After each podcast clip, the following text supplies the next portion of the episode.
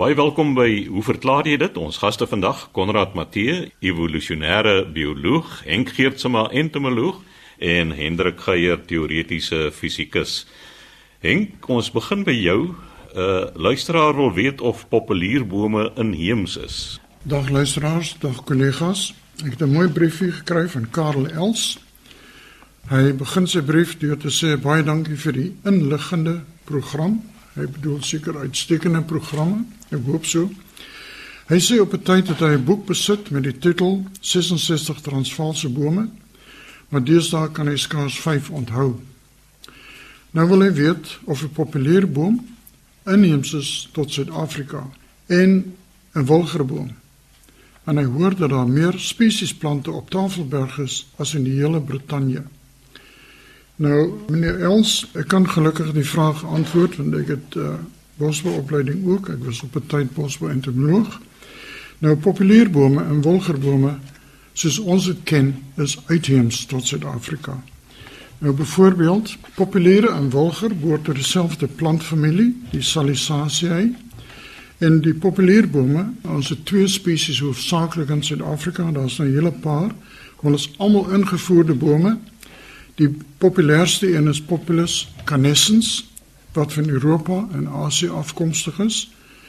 En dan kry ons die Populus deltoides wat van Amerika afkom. Nou Populus deltoides het baie groot driehoekige blare, vandaar die naam deltoides, delta. En canescens is die een wat mense meer in die algemeen sien, veral by begrafplaase as windbreuke en so aan. Wel is uitheems. Maar Ons het ook dan die wilgerboom. Nou die wilgerboom se latynse naam is Salix babylonica wat vir u natuurlik aandui dat dit kom van Asië af. Dis die gewone treurwilger soos wat ons ken, maar dit is uitheems tot Afrika. Maar hier in Suid-Afrika het ons 3 Salix spesies van bome. Ons het byvoorbeeld die silverwilger van die Kaap, Salix hirsuta maar die kom alleen voor in die Cederberg omgewing, allangs die rivierbeddings en stroompies en so aan. So dit beperk tot daardie area. So dis regte Kaapse wilger. Dan kry mens Salix mucronata, die Kaapse wilger wat omtrent oor die hele Kaap provinsie versprei is en dan ook in dele van die Vrystaat. En dan kry mens 'n derde spesies, Salix subserrata, die safsaf wilger saf saf omdat die hout is baie sag eintlik kom voor in Natal dele van Limpopo en Mpumalanga en dan Noord-Noordwes Kaap. So die plant is uitheems. En dan het ons tog 'n paar inheemse wilger spesies, maar in die algemeen is die boontjies maar klein. Die een in die Kaap byvoorbeeld word omtrent so 3 meter hoog en is nie 'n aggressiewe boom soos die Salix babylonica, die treurwilger. Dan die tweede vraag, hoeveel spesies plante is daar op Tafelberg? Is daar meer as in die hele Brittanje? Nou, daar's 'n baie mooi koffietafelboek, Tafelberg, 'n natuurlike geskiedenis, geskryf deur Anton Poe en Stephen Johnson. Nou Anton Poe is 'n sogenaamde bestuivingsekoloog. Is onlangs bevorder tot professor as ek dit reg het by die Universiteit van Stellenbosch en Stephen Johnson van die Universiteit van Kaapstad wat gespesialiseer het op kleuraantrekking en bestuiving. Met ander woorde, hy het byvoorbeeld bevind dat die skoenapper, die Tafelberg nooitjie, is die enigste bestuiver van die Rhoidisa, Disa uniflora of grandiflora. Nou, in daardie boek noem hulle daar's 2285 spesies plante in die Skiereiland waarvan die meeste ook op Tafelberg voorkom. Nou, die totale plantegroei in Swede, die diversiteit, die verskeidenheid in Swede is minder as die in ons Kaapse Skiereiland. En is die wat die Kaapse Skiereiland is 'n trekpleister vir botaniste van oor die hele wêreld. Want ek het eendag dik 'n kundige van die fynbos 'n bietjie die harnas ingejaag deur te sê dat die fynbosplante groei is eintlik 'n gemorsplante groei. En sy was baie ontsteld Sy was 'n stuifmeeldeskundige wat gewerk het op fossiele stuifmeel en ek het gewerk op fossiele insekte.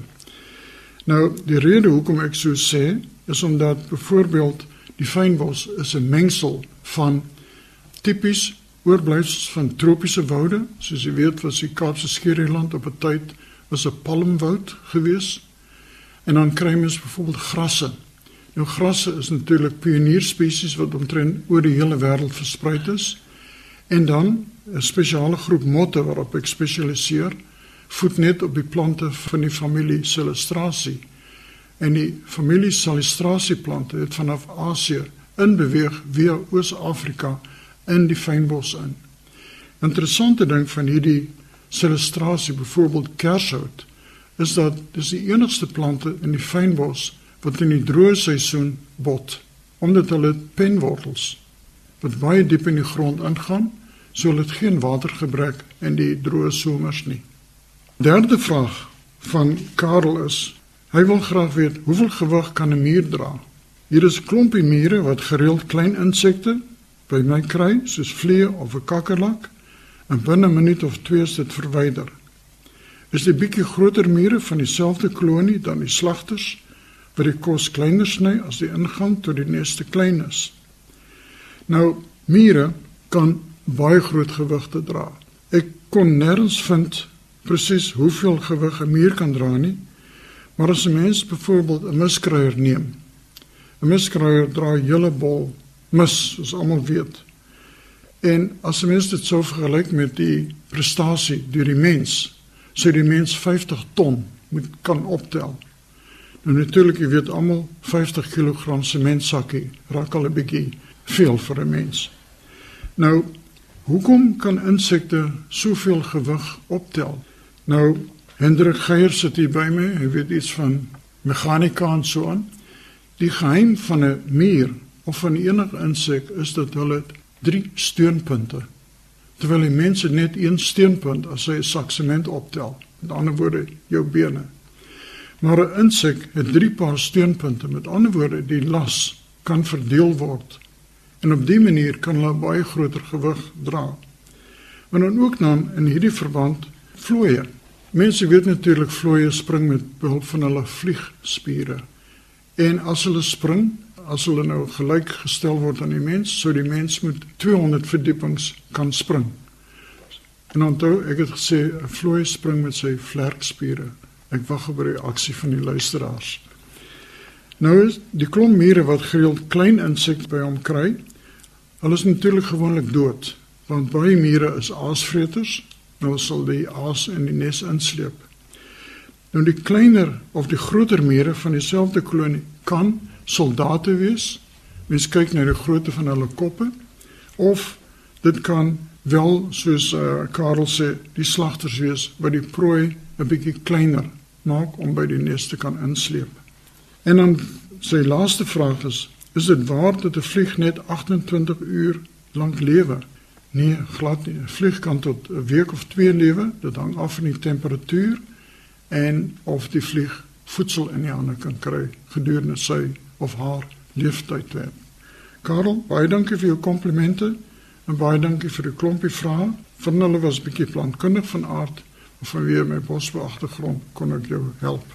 Baie dankie. So sê Henk Geertsma, entomoloog, volgens aan die beurt Konrad Matthee, evolusionêre bioloog. En jy het eintlik twee vrae Konrad. Hoekom kan nagdiere beter sien as mense en hoekom het hulle oë in die nag verskillende kleure? Ja, baie dankie Chris.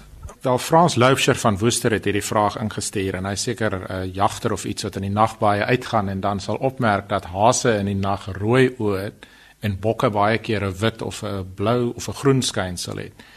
En dan wil hy ook weet hoekom kan nagdiere soveel beter sien en as 'n mens omtrent nagblind. Nou om die vraag te kan antwoord, moet ons eintlik net eers gaan kyk na hoe lyk die oog en wat is die funksies van die dele in so 'n oog. Al die oog bestaan natuurlik uit 'n pupil wat aan die voorkant voorkom. Nou dit is die deel wat groter en kleiner word om meer en minder lig toe te laat tot die oog. Agter die pupil kry ons 'n lens. Die lens fokus die lig op die agterste deel van die oog. Die agterste deel van die oog noem ons die retina. Nou hierdie retina bestaan uit twee seltipes of strukture. Een sal ons stafies noem en die ander een is keeltjies. Nou in die stafies is oor die algemeen om lig waar te neem, maar nie baie detail nie. En dan kry ons die keeltjies, dis meer om kleur waar te neem en baie meer detail. So agter hierdie stafies en keeltjies wat in die retina voorkom, is daar natuurlik senuwees wat verbind met die brein wat die impulse oordra en dit maak dat 'n die dier kan sien. Nou, as ons nou gaan kyk, hoekom kan mense nie so goed in die nag sien nie en van die diere heelwat beter in die nag sien? Is daar 'n paar redes. Die eerste ding is nagdiere se pupille wat voor in hulle oog voorkom, is heelwat groter as die van sê maar mense. Dit laat meer lig. Dit werk net soos 'n kamera lens. Ons weet as jy 'n groot lens voor dit laat dit baie lig toe en ons kan 'n baie swakker lig fotos neem. So eile het byvoorbeeld vreeslike groot oë omdat hulle die groter pupille ook moet kan hê en dis amper die helfte van die volume van 'n uil se skedel is oog om die lig te kan inlaat. Nagdiere se lense wat nou die, lig moet fokus op die agterste deel van die oog is ook baie naby aan die agterste deel van die oog. So die oog is meer platter en nie so rond soos wat mense sin is nie. Dit is sodat die lig makliker kan uitkom daar agter. Maar dit het dan natuurlik ook die idee dat die oog se vorm verander. Wat meen as die oog so plat is, kan hy nie maklik rond beweeg soos 'n mens nie. 'n Uil kan nie links en regs kyk sonder om sy kop te draai nie. En dis hoekom uile se nekke moet omtrent heeltemal kan omdraai om iets agter hulle te kan sien want hulle oë is nie so beweeglik soos wat mense sin is nie. Maar dan die belangrikste eienskap wat naglewende en daglewende organismes van of diere van mekaar skei is nagdiere het ook 'n ekstra laagie. Dis 'n laagie kristalle wat voorkom agter die retina, heel agter in die oog. Ons noem dit die tepatum lucidum. So vir nou gaan ons dit net 'n tipe spieël noem. So wat gebeur as wanneer die lig op die tepatum val, dan weerkaats dit die lig terug weer deur die retina. So hulle kan die lig twee keer sien en nie net een keer nie. En dis hoekom hulle baie meer sensitief is om in die nag te kan sien. Nou wat dan ook natuurlik kan voortspruit hier uit as ons dan gaan kyk na die stafies en die keeltjies, die tipe selle wat in die retina voorkom, sal ons sien dat naglewende diere baie meer stafies het in hulle oog, so hulle kan baie meer swakker lig waarneem. So hulle het 'n spieël en hulle het meer stafies, maar dit beteken dan ook natuurlik dat meeste naglewende diere is baie meer kleurblind of kan net een of twee soorte kleure sien. Hulle kan 'n beweging baie goed optel, maar nie baie detail sien nie. So dit is die hoofrede, maar soos ons dan nou kan sien is dit baie interessant dat die kleur van die diere se oë is ook anders. Die kleur wat 'n dier se oog afgee in die nag as ons 'n lig daarop skyn, hou direk verband met hierdie spieël of hierdie tepatum wat agter die retina is. En afhangende van die kristalle wat in daai struktuur is, soos byvoorbeeld sink, gee 'n wit kleur af, sal die oog wit weerkaats of miskien meer groenerig lyk. Dit is natuurlik baie belangrik om ook te weet dat die kleur van die oog is nie altyd presies dieselfde nie. Dit hang af van die invalshoek van die lig as ook die ligtipe. So skyn mens met 'n karlig op die dier of gebruik mense LED lig. So kom ons sê nou ons kyk reg van voor in die dier se oog, dan as ons elke keer met dieselfde lig skyn, dan is dit waar dit sal rooi wees in hase en dit sal meer witterig blouerig wees in wildsbokke. Maar Dit hang dan natuurlik af ook van wat se tipe stowwe daarin is. Dit het uit te waai met partykeer die dier se spesifieke kos wat hulle inneem en wat hulle het. Dan wil ek afsluit deur te sê al ooit gewonder hoekom 'n mens se oog tog reflekteer as mens met 'n kamera afneem. Dan kry jy mens mos die rooi oog of wat hulle noem in Engels die red eye. Hulle dan nie 'n tempatum soos die wildsdiere nie. Wel die rede vir dit is agter in die oog in die retina is daar ongelooflik baie bloedvate wat die senuwees moet voorsien om die oog se funksie te kan uitvoer. Dis die bloed se kleur wat reflekteer as mens met 'n kamera afneem en dis hoekom 'n mens se oog rooi is en as mens kyk baie van die diere ook as mens afneem is hy helder wit lig as gevolg van die flits. Mens kan amper nie 'n kleur sien op mense fotos nie. Konrad, ek het 'n vraagie daar in die dae toe ons nog militêre diensplig gedoen het is daar teikens is basies die silhouet van 'n uh, mens wat uitgesny is en in die bos weggesteek is en deel van die opleiding het daarop gedui dat mense wat kleurblind is daardie silhouet in die bos baie makliker raak sien as mense wat nie kleurblind is nie. Hou dit enige verband met die feit dat diere of nagdiere beter sien omdat hulle kleurblind is? Wel Chris, ek's nie heeltemal seker oor dit nie, maar dit maak vir my sin dat as 'n mens dan natuurlik kleurblindheid sal mense stafies wat dan in die oog is, sal dan 10 teen 1 beter funksioneer wat dan ook meer mense sal donker lyne beter kan waarneem maar dit is eintlik in kontras met wat mense sou dink dat die keeltjies is meer vir detail en vir kleur. En as mens nie die detail kan sien nie ek's nie presies seker hoekom mense beter kan sien nie. So ja maar ek kan nie daai in antwoord nie. By insekte kom natuurlik ook dag en nag sig voor. En jy het gepraat van die stafies in die oog. Ja. nou kyk die saamgestelde oog van 'n insek bestaan uit 'n aantal fasette Die faset is gewoonlik seshoekig. En dan in die sentrale punt van die faset, ons noem dit ook 'n ommetidium, is daar die stafie en in die stafie is daar 'n aantal kristalle. En soos die lig nou van buite af inkom, weerkaats dit teen die ses vlakke van die faset self en dit aktiveer dan die kristalle binne in die stafie om op of af te beweeg afhangende van die intensiteit van die lig. En mens sien ook as in die nag byvoorbeeld 'n lig skyn op die oë van motte, dan kry jy dieselfde tapetum effek. Jy kry so 'n weerkaatsingseffek van die oog. Maar die ding is insekte is ook in staat want ons praat van 'n aposisie en 'n superposisie van die oog om in die dag te kan sien en in die nag ewe effektief deur die wisseling van die kristalle binne in die sentrale stafie van die faset. Dit was dan Konrad Matthee wat vir ons verduidelik het hoekom nagdiere beter sien as mense. Laaste aan die weet vandag is Hendrik Geier, ons teoretiese fisikus. Hendrik, ons het laas gepraat oor noorderligte. Nou is daar 'n luisteraar wat wil weet, is daar ook suiderligte en ook het die aarde 'n magnetiese invloed op die maan? Ja, dankie Chris. Mevrou Elsa de Tooi van Randburg het per e-pos vir ons geskryf dat sy onlangs berigte gesien het wat verband hou met die son en sogenaamde noorderligte. Sy sê nou nie presies wat sy daaroor gelees het nie, maar sy wonder dan spesifiek of daar ook so iets so suiderligte is en indien nie, hoekom nie? Net 'n regstelling Chris, toe ons laas oor hierdie soort verskynsels gepraat het, het ons inderdaad oor die suiderligte gepraat. Ek kom nou nou weer daarby. Wil ek net oorkoepelend sê na beide hierdie verskynsels word daar gesamentlik verwys as die sogenaamde auroras en hulle word onderskei deur te praat van die aurora borealis, dis die noorderligte borealis latyn vir noord en vir die suiderligte die aurora australis.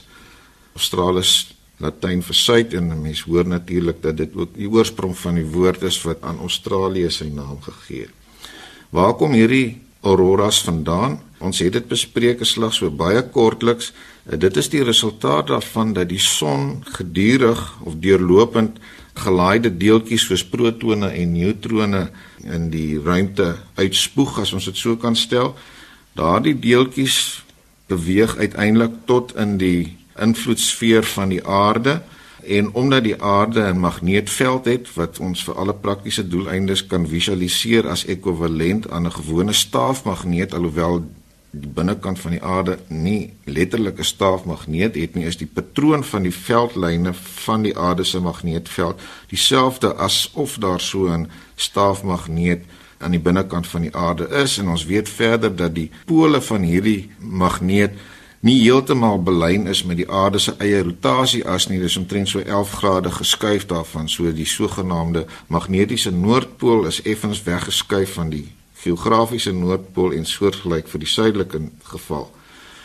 Uh mens sien hierdie ligte omdat wanneer die gelaaide deeltjies onder die invloed van die aarde se magneetveld dan uiteindelik as dit ware ingesuig is want ons weet 'n magneetveld het 'n invloed op die beweging van 'n elektries gelaaide deeltjie dan is dit so dat omdat die magnetiese veldlyne van die aarde se intensiteit die hoogste by die pole is, is dit die plek waar die effek daarvan dat hierdie gelaaide deeltjies dan uiteindelik met molekules in die atmosfeer bots wat die oorsprong dan uiteindelik is van die verskillende kleure ligte wat ons sien na gelang van die tipe molekules waarmee die gelaaide deeltjies bots het sy suurstof of ozon of stikstof uh, gee aanleiding tot blou, rooi en groen ligte. So hierdie is op hulle sigbaarste by die pole omdat die magneetveld intensiteit daar die hoogste is. So daar's geen rede om te vermoed dat dit anders by die suidelike pool as by die noordelike pool sou wees nie en inderdaad bestaan die sogenaamde suiderligte ook en 'n mens vra dan hoekom word daar gewoonlik gepraat van die noorderligte? Ek dink die rede is eenvoudig as 'n mens gaan kyk na die verspreiding van landmassa op die aarde dan kom 'n mens agter dat in die noordelike halfrond het lande soos Kanada, Rusland, Noorwe en Swede landmassas wat tipies tot by breedtegrade 70 en 80 strek. Dit wil sê relatief naby aan die pole. Terwyl in die suidelike halfrond as 'n mens kyk hoe ver suid strek die landmassas van Suid-Afrika, Australië, Nieu-Seeland en Argentinië, sien 'n mens Suid-Afrika op sy suidelikste omtrent by 34 grade breedtegraad Argentinië tot by 52. So in die suidelike halfrond is ons eintlik net te ver weg van die pool om hierdie suiderligte tipies te kan sien. En die vorige keer Chris het ons gepraat oor die sogenaamde Carrington effek. Dit was die groot geomagnetiese sonstorm wat in 1859 waargeneem is en wat sover die hewigste so 'n uitbarsting is wat op rekord is. En ons het daarop gewys dat daardie uitbarsting suiderligte tot gevolg gehad het wat baie sigbaar was in byvoorbeeld Australië. Dis goed gedokumenteer. En ons het bespiegel oor waarom dit nie in Suid-Afrika op daardie stadium waargeneem is nie onder andere het ons nog nie telegrafiese dienste gehad wat onderbreek is wat een van die aanduidings was dat so 'n geomagnetiese sonstorm plaasgevind het nie en ek moet sê ek kon tot op hede nog nie eers anders historiese gegevens kry wat my bespiegeling dat dit miskien net weeromstandighede op daardie stadium was wat verhoed het dat dit ook hier gesien en gedokumenteer is nie. Maar kortom dan uh, mevrou De Tooy, die suiderligte bestaan eweneens soos die noorderligte en hulle word nie so gereedelik gerapporteer nie omdat ons in die suidelike halfrond tipies net te ver weg is van die pole. Chris, dan wil ek aangaan na 'n vraag wat ons gekry het van John Mulder wat skryf dat soos hy dit stel, ons is geneig om te aanvaar dat die maan deur die aantrekkingskrag tussen die aarde en die maan in sy baan gehou word. Ek veronderstel hy verwys hier na swaartekrag. Dan sê hy maar ons weet ook dat die aarde deur 'n sterk magneetveld omring word en dat die maan 'n yster-nikkel-kern het. Nou wil hy weet watter persentasie van die krag wat hierdie twee liggame op mekaar uitoefen is gewone gravitasie en watter persentasie is magneties van aard. Nou die kort antwoord John is jy kan maar totaal en al van die magnetiese invloed vergeet. Dit is weglaatbaar klein. Om daardie stelling te staaf moet 'n mens natuurlik nou kwantitatief hieroor begin praat en ek begin deur te sê dat ons onsself ongelukkig met 'n een eenheid van magnetiese veldsterkte opgesaal het wat nie besonder geskik is vir normale gebruik nie. Ons praat van 'n magnetiese veldsterkte wat in Tesla gemeet word. Dit is in die sogenaamde SI eenhede waar 'n mens onder andere meter en kilogram en sekonde gebruik. In die ouer sogenaamde CGS of sentimeter gram sekonde struktuur is die eenheid van Gauss gebruik. En om hierdie in perspektief te plaas, kan ek sê dat die sterkste magneet wat nog ooit geproduseer is, het 'n veldsterkte van 25 Tesla. Aan die ander kant, die aarde se magneetveld wissel van die pole na die ewenaar in veldsterkte, soos wat ons nou pas in die vorige vraag eintlik geïmpliseer het. En 'n mens meet hierdie goed in nanotesla. Dit wil sê in 'n 1000 miljoenste van 'n Tesla. So dit is hoekom 'n Tesla nie vir alledaagse gebruik 'n besonder geskikte eenheid is nie, want 'n mens word vinnig gedwing om maar van nanotesla te praat. So by die pole is die aarde se magneetveld omtrent 60000 nanotesla en by die ewenaar omtrent die helfte daarvan 30000 tesla. Vergelyk dit met die stelling dat 'n gewone yskasmagneet se veldsterkte omtrent 100 keer sterker is as die aarde se tipiese magneetveldsterkte.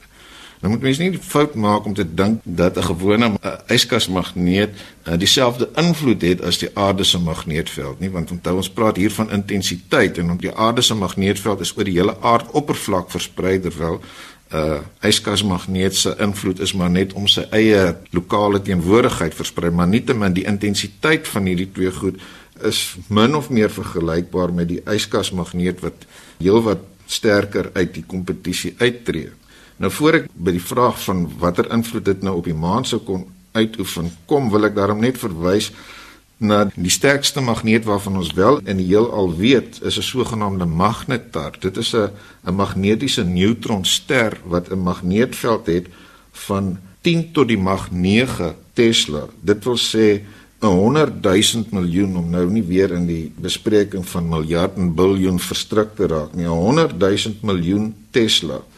En om dit nou visueel voor te stel sou 'n mens kon sê as die aarde se magneetveld so sterk was dan sou dit 'n lokomotief op die maan se beweging kon beïnvloed het byvoorbeeld om hom te vertraag as hy reeds aan die beweging is. Maar nou is dit so dat die aarde se magneetveld is iets wat jy in nanotesla meet en verder neem die veldsterkte af met die omgekeerde derde mag van die afstand tussen die magneet en dit waarop dit 'n invloed uitoefen. Dit is nou selfs nog erger as gewone swaartekrag of elektrostatiese kragte wat met die omgekeerde kwadraat afneem. So iets wat twee keer verder van 'n magneet is en andersins presies dieselfde eienskappe het, sal 8 keer swakker krag ondervind as gevolg van daardie verder verwydering en op dië manier kan 'n mens vinnig agterkom dat jy totaal en al kan vergeet van enige invloed wat die aarde se magneetveld op die maan sou kan uitoefen. So Chris, daarmee dan die storie oor die suiderligte en hoe dit alles met die aarde se magneetveld verband hou en die feit dat die aarde nie 'n magnetiese invloed op die maan uitoefen nie. So sê Hendrik Geier, teoretiese fisikus, skryf gerus aan ons by hoe verklaar jy dit?